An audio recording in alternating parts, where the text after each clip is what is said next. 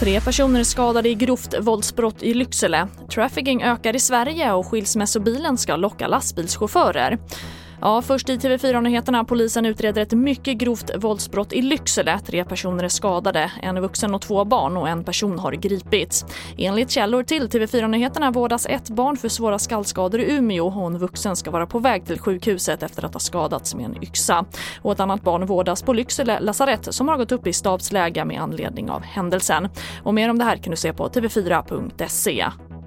Och barn och unga utnyttjas för sex i Sverige i en oroväckande omfattning. Det menar företrädare för stiftelsen Child 10 som arbetar mot exploatering av barn. Här hör vi Jakob Flärd som är företrädare för Child 10. Då pratar vi om barn som har eh, erfarenhet av att ha blivit köpta eh, för att begå sexuella handlingar på en annan person.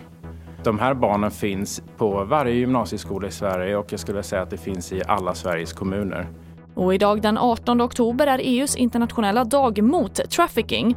Child 10 är en av organisationerna som arbetar mot exploatering av barn upp till 18 år.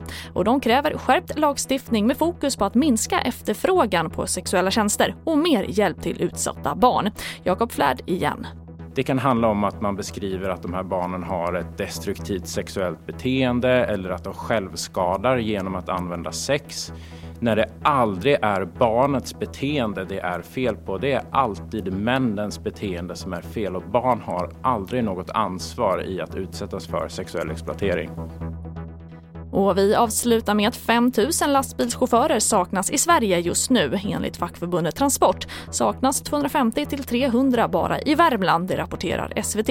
Och ett nytt grepp för att locka förare i Värmland är den så kallade skilsmässobilen som innebär att man har långa turer med flera övernattningar ena veckan och kortare turer veckan därpå så att man kan hämta och lämna sina barn. Och det får avsluta den här nyhetssändningen. Fler nyheter det hittar du alltid i vår app TV4 Nyheterna. Jag heter Charlotte Hemgren.